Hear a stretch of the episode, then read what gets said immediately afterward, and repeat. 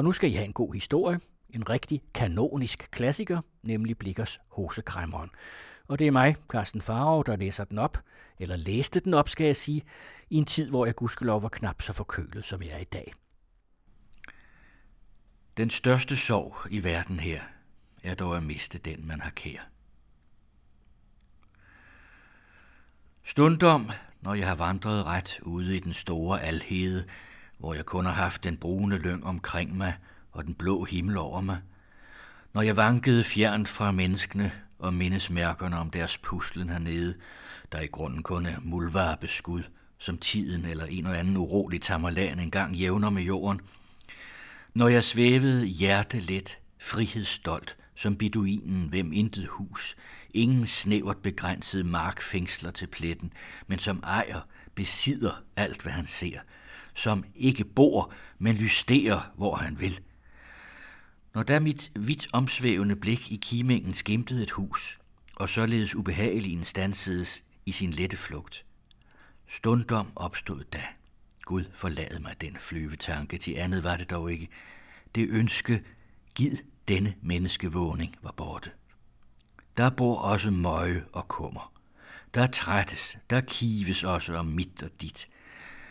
Ak, den lykkelige ørken er både min og din, er alles, er ingens. En forstmand skal have foreslået at forstyrre hele kolonianlægget, plante skov på beboernes marker i deres sløjfede byer. Mig har stundom den langt umenneskeligere tanke påtrængt sig. Hvad om har endnu havde været lynggroet hede? Den samme som for årtusinder siden. Uforstyrret, uområdet af menneskehænder. Men som sagt, jeg mente det ikke alvorligt. Til når jeg udmattet, mødig, smægtende af hede og tørst med smertelig længsel, tænkte på araberens telt og kaffekedel. Da takkede jeg Gud, at et lyngtægt hus om en mile langt borte forjættede mig skygge og vederkvægelse.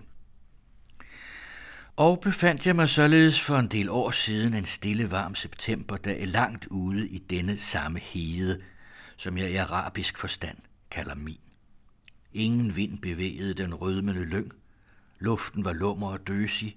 De fjerne bakker, som begrænsede synskredsen, synes at svømme lige skyer omkring den uhyre slette, og antog mange vidunderlige skikkelser af huse, tårne, slotte, mennesker og dyr. Men alle er dunkle, uformede omrids, ustadige vekslende som drømmebilleder. Snart forvandledes en hytte til en kirke, denne igen til en pyramide. Hist hævede sig et spir, her sank et andet. Et menneske blev til en hest, og denne igen til en elefant. Her gyngede en båd, og der et skib med udspændte sejl.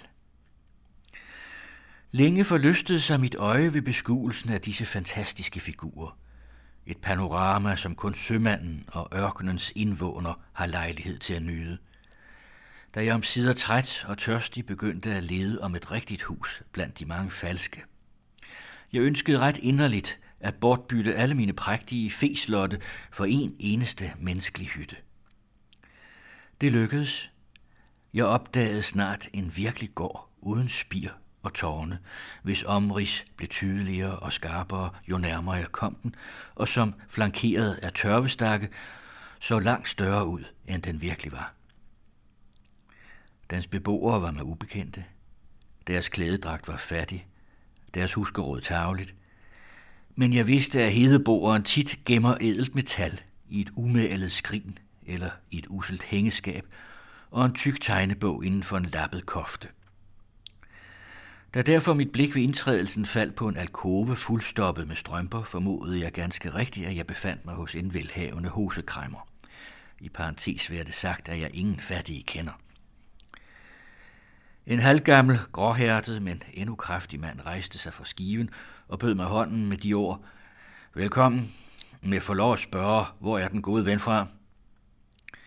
Man opholdt sig ikke over så ufin og ligefrem et spørgsmål. Hedebunden er lige så gæstfri, men lidt mere nysgerrig end de skotske lærter. Og i grunden kan man ikke fortænke ham i, at han gerne vil vide, hvem han beværter.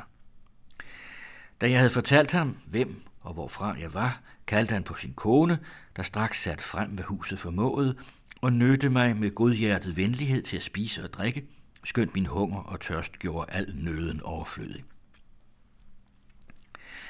Jeg var midt i måltidet og midt i en politisk samtale med min vært, da en ung og overmod dejlig bondepige trådte ind, hvem jeg ufejlbarlig ville have erklæret for en fra grusomme forældre og et modbydeligt ægteskab bortflygtet, forklædt frøken, hvis ikke hendes rødladende hænder og uforfalskede bundemål havde overbevist mig om, at ingen travestering fandt sted.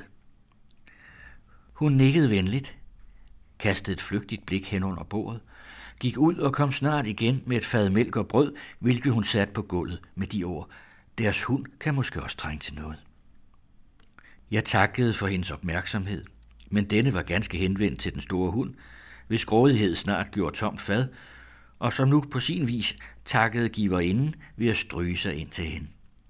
Og da hun lidt ængstligt løftede armen i vejret, misforstod chasseur denne bevægelse, gjorde adroit og trængte den skrigende pige baglæns hen mod alkoven.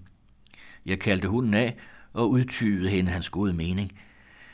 Ikke skulle jeg have hendraget læserens opmærksomhed til et så trivielt optrin, undtagen for at anbringe den bemærkning, at alt klæder de smukke godt. Til virkelig fremviste denne bondepige i alt, hvad hun sagde og foretog sig, en vis naturlig ynde, som ingen lunde kunne skrives på koketteriets regning, undtagen man således vil benævne et medfødt uvidderligt instinkt. Da hun havde forladt stuen, spurgte jeg forældrene, om det var deres datter. De bejagede det med tillæg, at hun var eneste barn. Hende beholder I vist ikke længe, sagde jeg. Gud bevar os, hvorledes mener de det? spurgte faren, men et selvbehageligt smil viste, at han nok forstod min mening. Jeg tænker, svarede jeg, at hun næppe vil mangle bejler. Hmm, brummede han. Bejler kan vi få nok af, men om de dur noget, det var det, vi skulle snakke om. At fri med et lommeur og en sølvbeslagen pibe kan ikke gøre sagen klar. Der vil mere til at køre end at sige hyp, som end, vedblev han, støttende begge næver på bordet og bukkende sig for at kigge ud af det lave vindue. Kommer ikke der en af dem? En foredreng, der nys er kravlet op ad lyngtoppene. en af de kompaner, der render omkring med et par dos hoser og en tværsæk. Dum hund frier til vores datter med to studer og halv tredje ko. Jo, lur ham, stodder. Al denne udgydelse var ikke henvendt til mig, men til den kommende, på hvem han festede sit formørkede blik, i det denne af en lyngvej vandrede ind mod gården.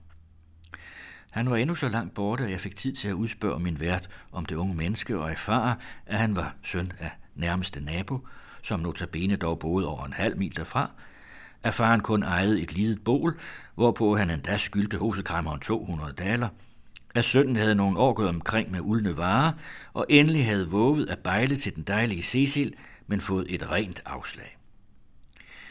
Mens jeg anhørte denne beretning, var hun selv kommet ind, og hendes bekymrede blik, der vekselvis delte sig imellem faren og vandreren derude, lod mig gætte, at hun ikke delte den gamles anskuelse af sagen. Så snart nogen kræmmer trådte ind af den ene dør, gik hun ud af den anden, dog ikke uden et hurtigt, men ømt og smerteligt øjekast. Min vært vendte sig om mod den indtrædende, greb med begge hænder om bordbladet, som om han fandt et støttepunkt for nødent, og besvarede det unge menneskes guds fred og goddag med et tørt velkommen. Hin blev først stående en stund, lod sine øjne løbe omkring i værelset, udtrak derpå af inderlommen en tobakspibe, af baglommen en pung, bankede pipen ud på kakkeloven ved sin side og stoppede på ny. Alt dette skete langsomt og ligesom i en afmålt takt, og min vært forblev stedse ubevægelig i sin antagende stilling. Den fremmede var en meget smuk kald, en ægte søn af vores nordiske natur, der driver langsomt, men kraftigt og varigt. Lyshåret, blåøjet, rødkindet, hvis fint dunede hage ravkniven endnu ikke havde berørt, skønt han vist allerede var sine fulde 20 år. Han var på kræmmervis klædt fornemmere end en almindelig bonde, end selv den rige hosekræmmer, i frakke og vige benklæder, rødstribet vest og blåt blommet bomuldshalsklæde. Han var ingen uværdig tilbeder af den skønne Cecilia.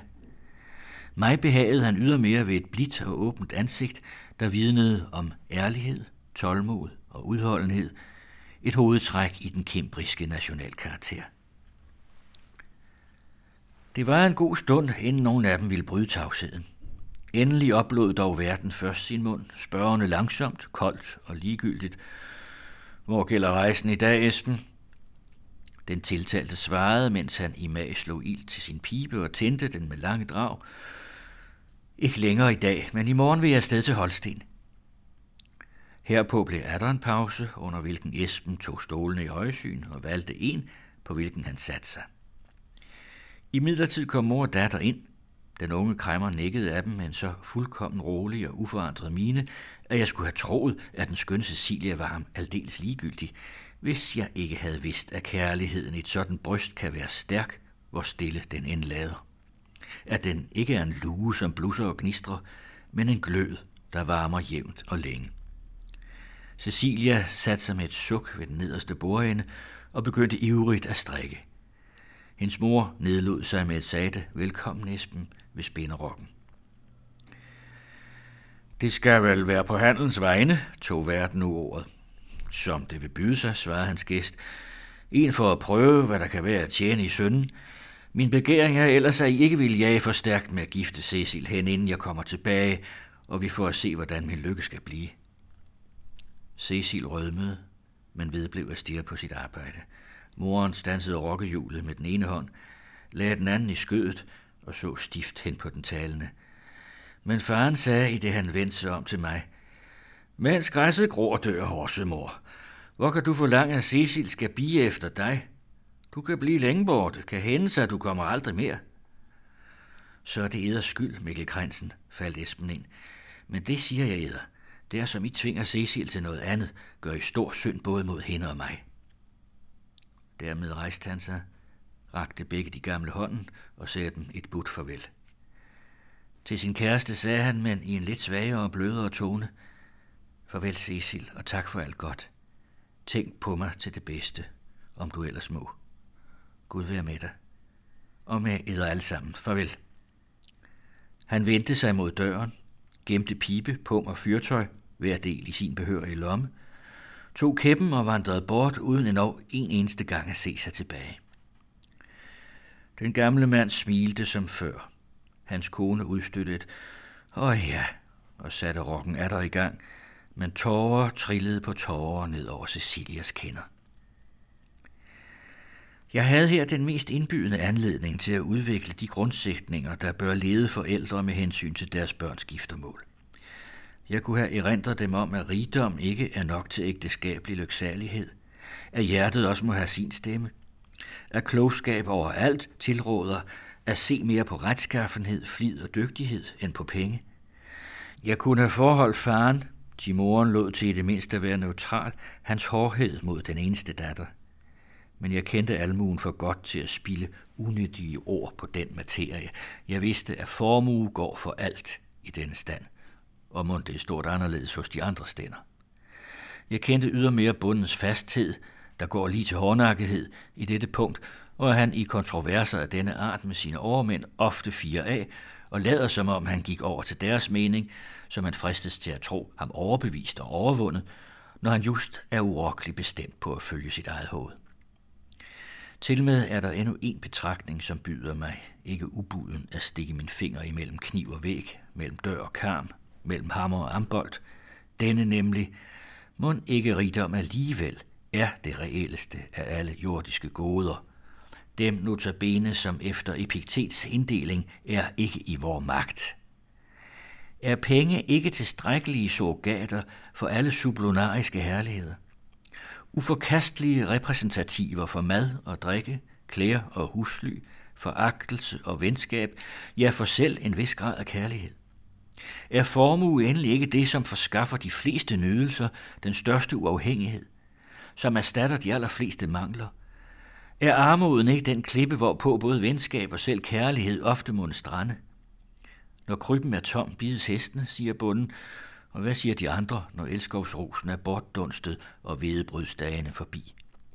Vist nok var det ønskeligt, at Amor og Hymen stedse kunne følges ad, men de ville dog helst have Pluto i ledtog med sig. Efter sådan anskuelse af verden, som den er, mere fornuftig måske end nogen venter og andre ønsker hos en romanforfatter, vil man finde det konsekvent, at jeg ikke indblandede mig i Espens og Cecilias roman, så meget mindre som samme fra den første sidetur være en ret fornuftig spekulation, beregnet mindre på datterens skønhed og hjerte, end på farens fuldproppede alkove og tunge hængeskab. Og skønt jeg vel vidste, at ren kærlighed ikke er en ren poetisk opfindelse, erkendte jeg dog allerede dengang, at den fandtes oftere i bøger end uden for dem.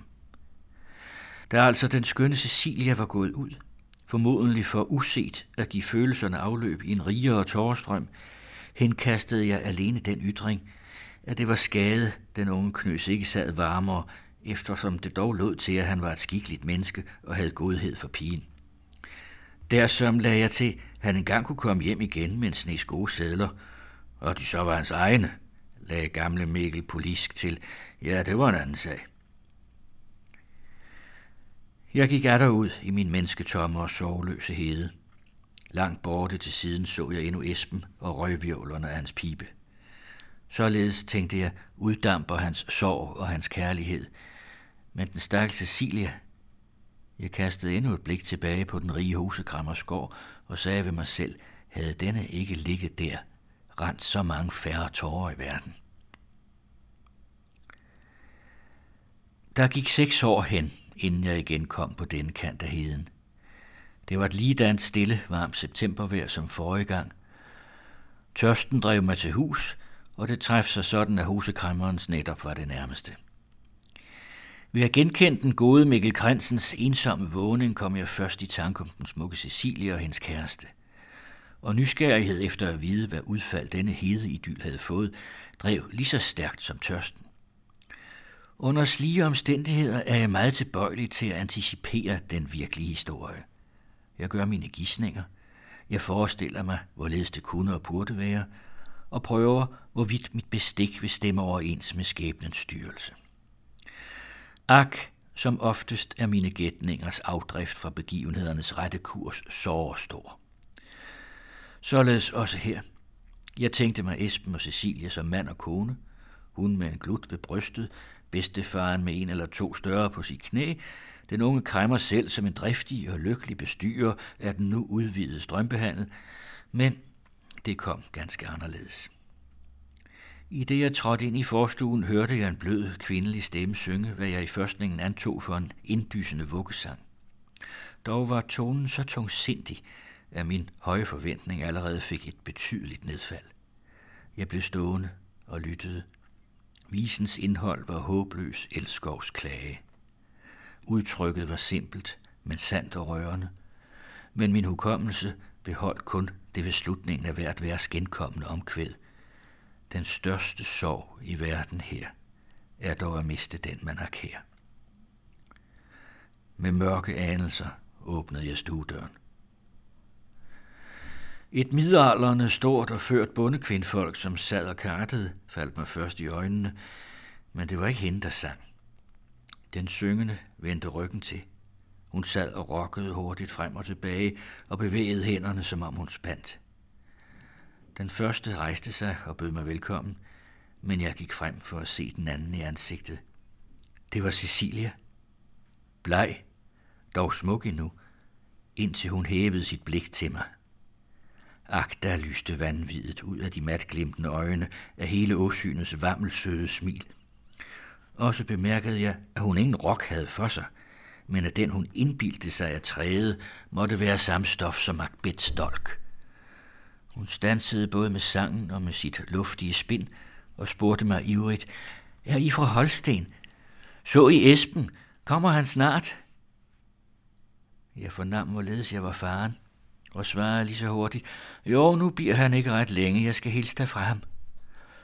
Så må jeg ud og møde ham, råbte hun glad, sprang op fra sin lille halmstol og hoppede hen mod døren. Tøv lidt, Cecil, sagde den anden og lagde karterne til side, og lad mig komme med. Dertil blinkede hun af mig og virrede med hovedet. Hendes minespil var overflødet. Mor, råbte hun højt mod køkkendøren. Der er en herinde, kom ind, for nu går vi.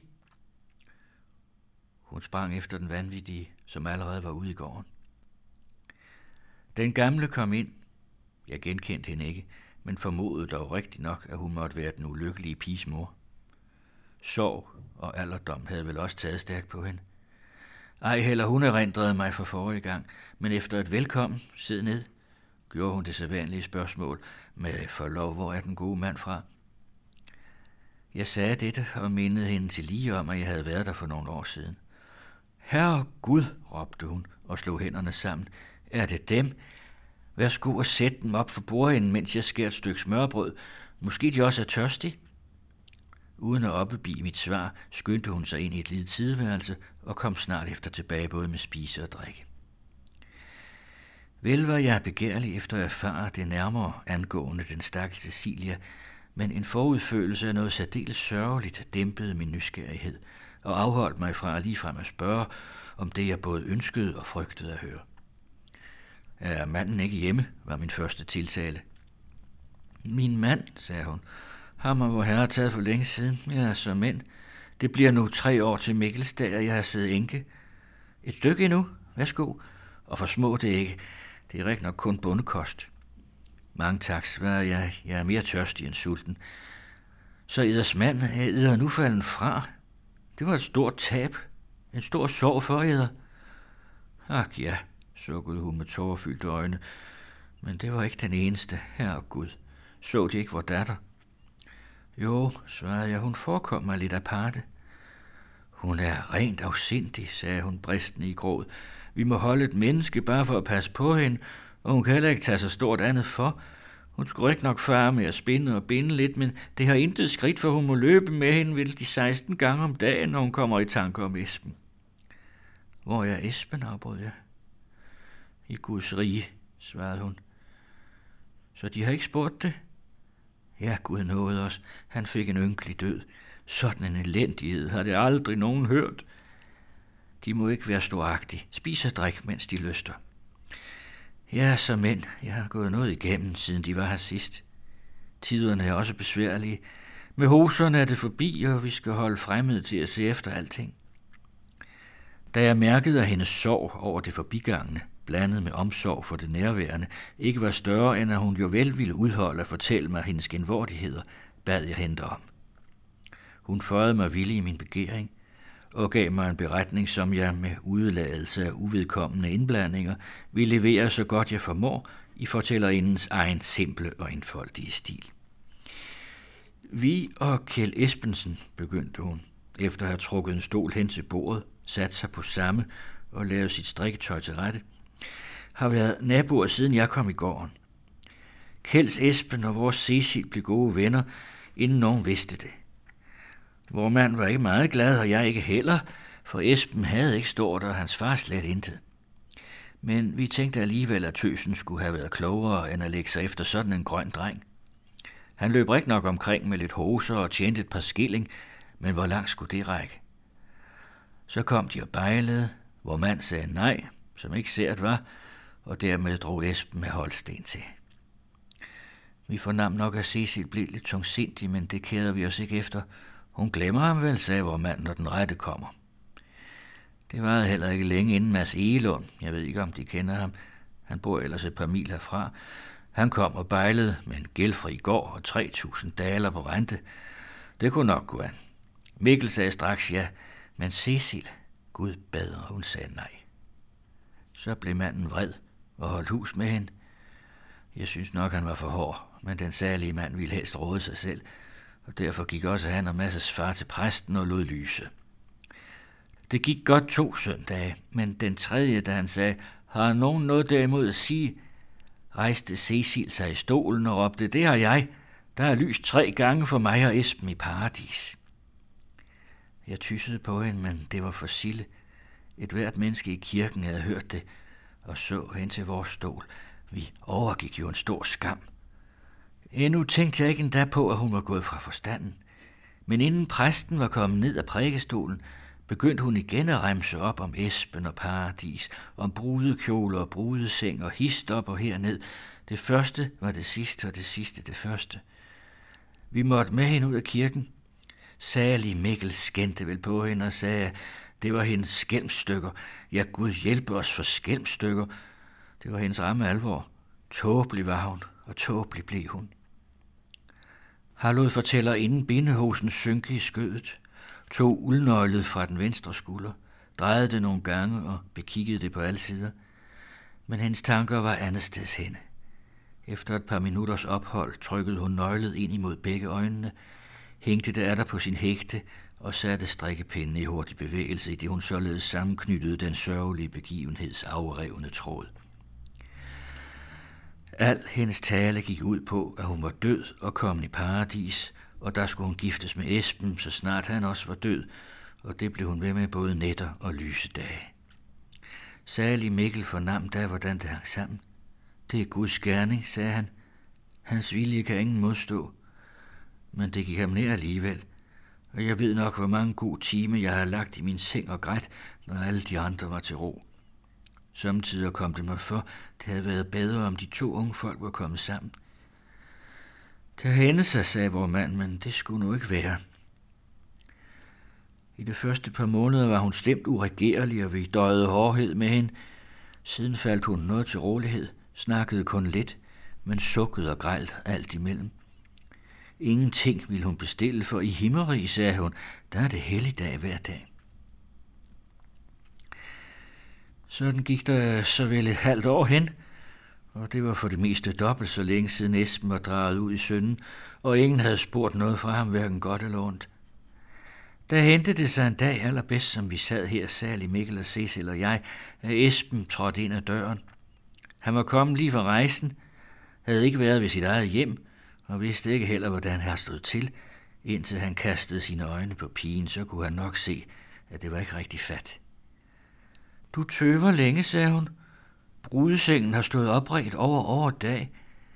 Men sig mig først, er du død eller levende? Herre Gud, Cecil, sagde han, du kan jo se, jeg er levende. Det var skade, svarede hun, for så kan du ikke komme ind af paradisets dør. Stræb at lægge dig til at dø så snart du kan. Timas Egelund går og lurer på, om han ikke kunne komme først. Det er en mådelig tilstand, sagde han. Mikkel, Mikkel, i har gjort stor uskæld imod os. Jeg er mand nu på 5.000 daler, så vel.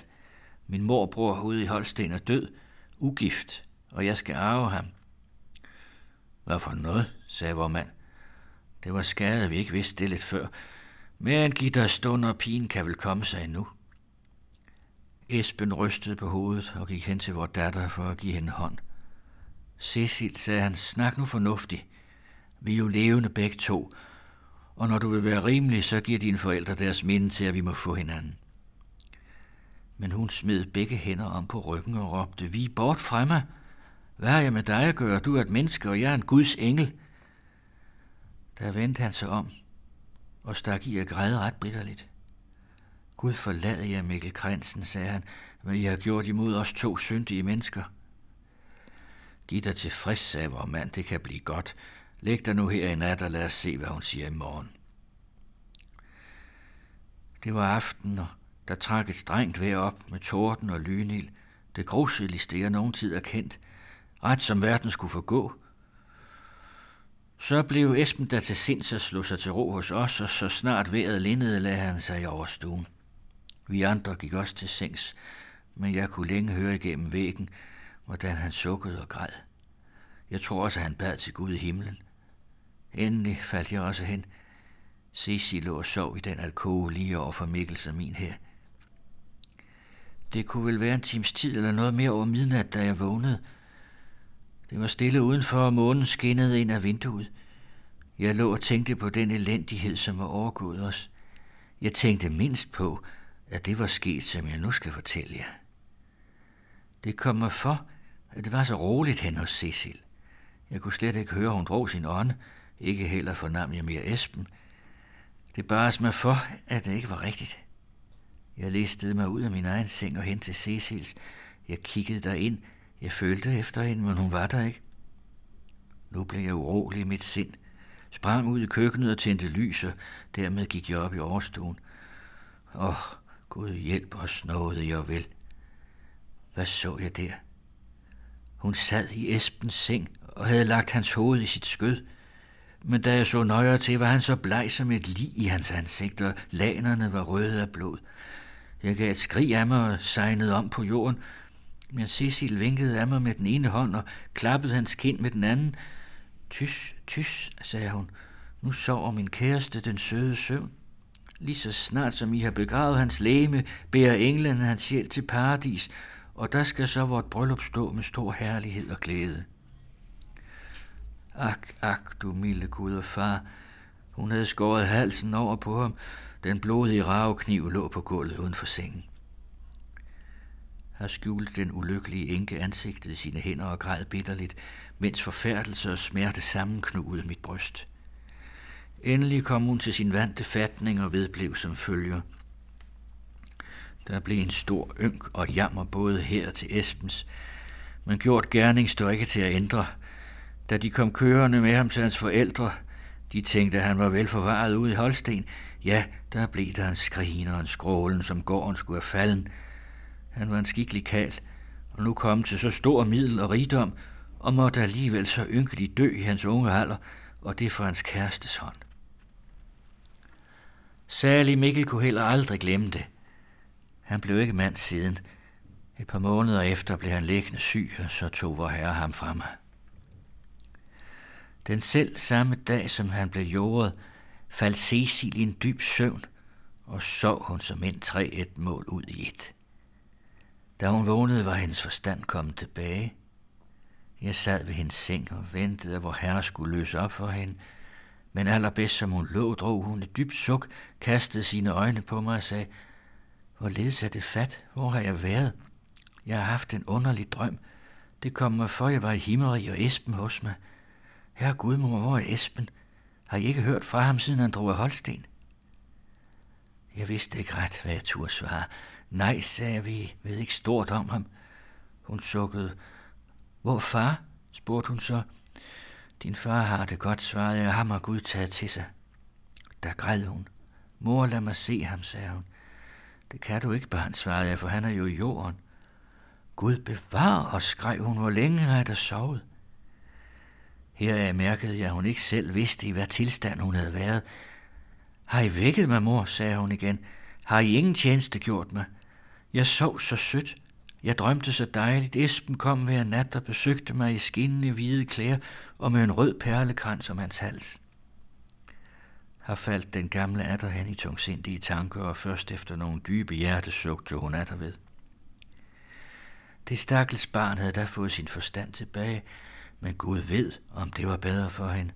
Hun var aldrig glad, men altid stille bedrøvet, talte ikke uden, når hun blev adspurgt, og passede sit arbejde meget flittigt. Hun var hverken syg eller frisk. Det spurgtes da snart omkring i nabolaget, og et fjerne års tid efter kom Mads Elund for at bejle til hende anden gang, men hun ville ikke vide af ham at sige hverken for lidt eller for meget. Da han nu fornam, at hun slet ikke kunne lide ham, blev han stussig og fik ondt i sinde. Jeg og folk, når alle de, der kom, har passet bestandigt nøje på, at vi ikke lod falde det mindste ord om, hvordan hun selv i hendes afsindighed havde undlivet den stakkels Esben. Og hun tænkte vel også, at han enten var død eller gift derude i sønnen. En dag, som nu Mads er her, og trænger stærkt på hende, om at give ham ja, og hun så svarer, at hun hellere ville dø end giftes med ham, siger han rent ud, at han slet ikke var så hægen for en, der havde skåret halsen over på sin første kæreste, og dermed fortæller han hende det hele, som det var tilgået. Jeg står ude i køkkenet og hørte det så halvt om halvt. Jeg slænger, hvad jeg har i hånden, springer ind og råber til ham, Mads, Mads, Gud forlad jeg, hvad er det, I gør? Men det var for Sille. Hun sad på bænken så bleg som en kalket væg, og øjnene stod stift i hendes hoved. Hvad gør jeg, sagde han. Jeg siger jo ikke andet end, hvad sandt er. Det er bedre, hun får det at vide, end at holde hende for nar, og lade hende gå og vente efter en død mand hendes hele livstid. Farvel og tak for mig. Han gik, men hun var igen faldet tilbage og får vel aldrig hendes forstand mere i dette liv. I ser selv, hvorledes hun er.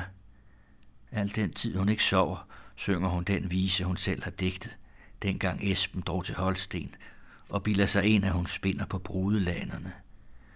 Ellers er hun dog rolig, Husk lov og gør ikke det mindste greb for træd, men vi tør alligevel ikke slippe hende af sigte. Gud se noget til hende og løse snart op for os begge to. I det hun talte de sidste år, kom den ulykkelige ind med sin ledsagerske. Nej, sagde hun, i dag er han ikke at se, men i morgen har vi ham vist. Jeg må skynde mig, om jeg skal blive færdig med lanerne. Hun satte sig hurtigt ned på sin lille halmstol, og med hænder og fødder i rask bevægelse istemte hun atter sin klagesang. Et langt, dybt hentet suk gik hver gang forud for omkvædet. Den største sorg i verden her er dog at skilles fra den, man har kær. Hendes skønne, blege ansigt sænkede sig ned mod barmen. Hænder og fødder hvilede et øjeblik, men snart og skyndsomt rettede hun sig atter i vejret, istemte et andet vers og satte skyggerokken i gang. I tungsindige tanker vandrede jeg tilbage. Min sjæl havde antaget ørkenens farve. Min fantasi var ene sysselsat med Cecilia og hendes redsomme skæbne. I hvert et fjernt luftbillede troede jeg at se husekrammerdatteren, hvorledes hun sad og spændt og rokkede og slog ud med armene. I jejlen sørmodige fløjten, i den enlige hedelærkes ensformige klagetrille, hørte jeg kun de sørgelige sande af så mange tusind sårede hjerter dybfølte ord. Den største sorg ud i verden her, er dog at skilles fra den, man har kær. I hørte Plikkers Hosekræmmeren.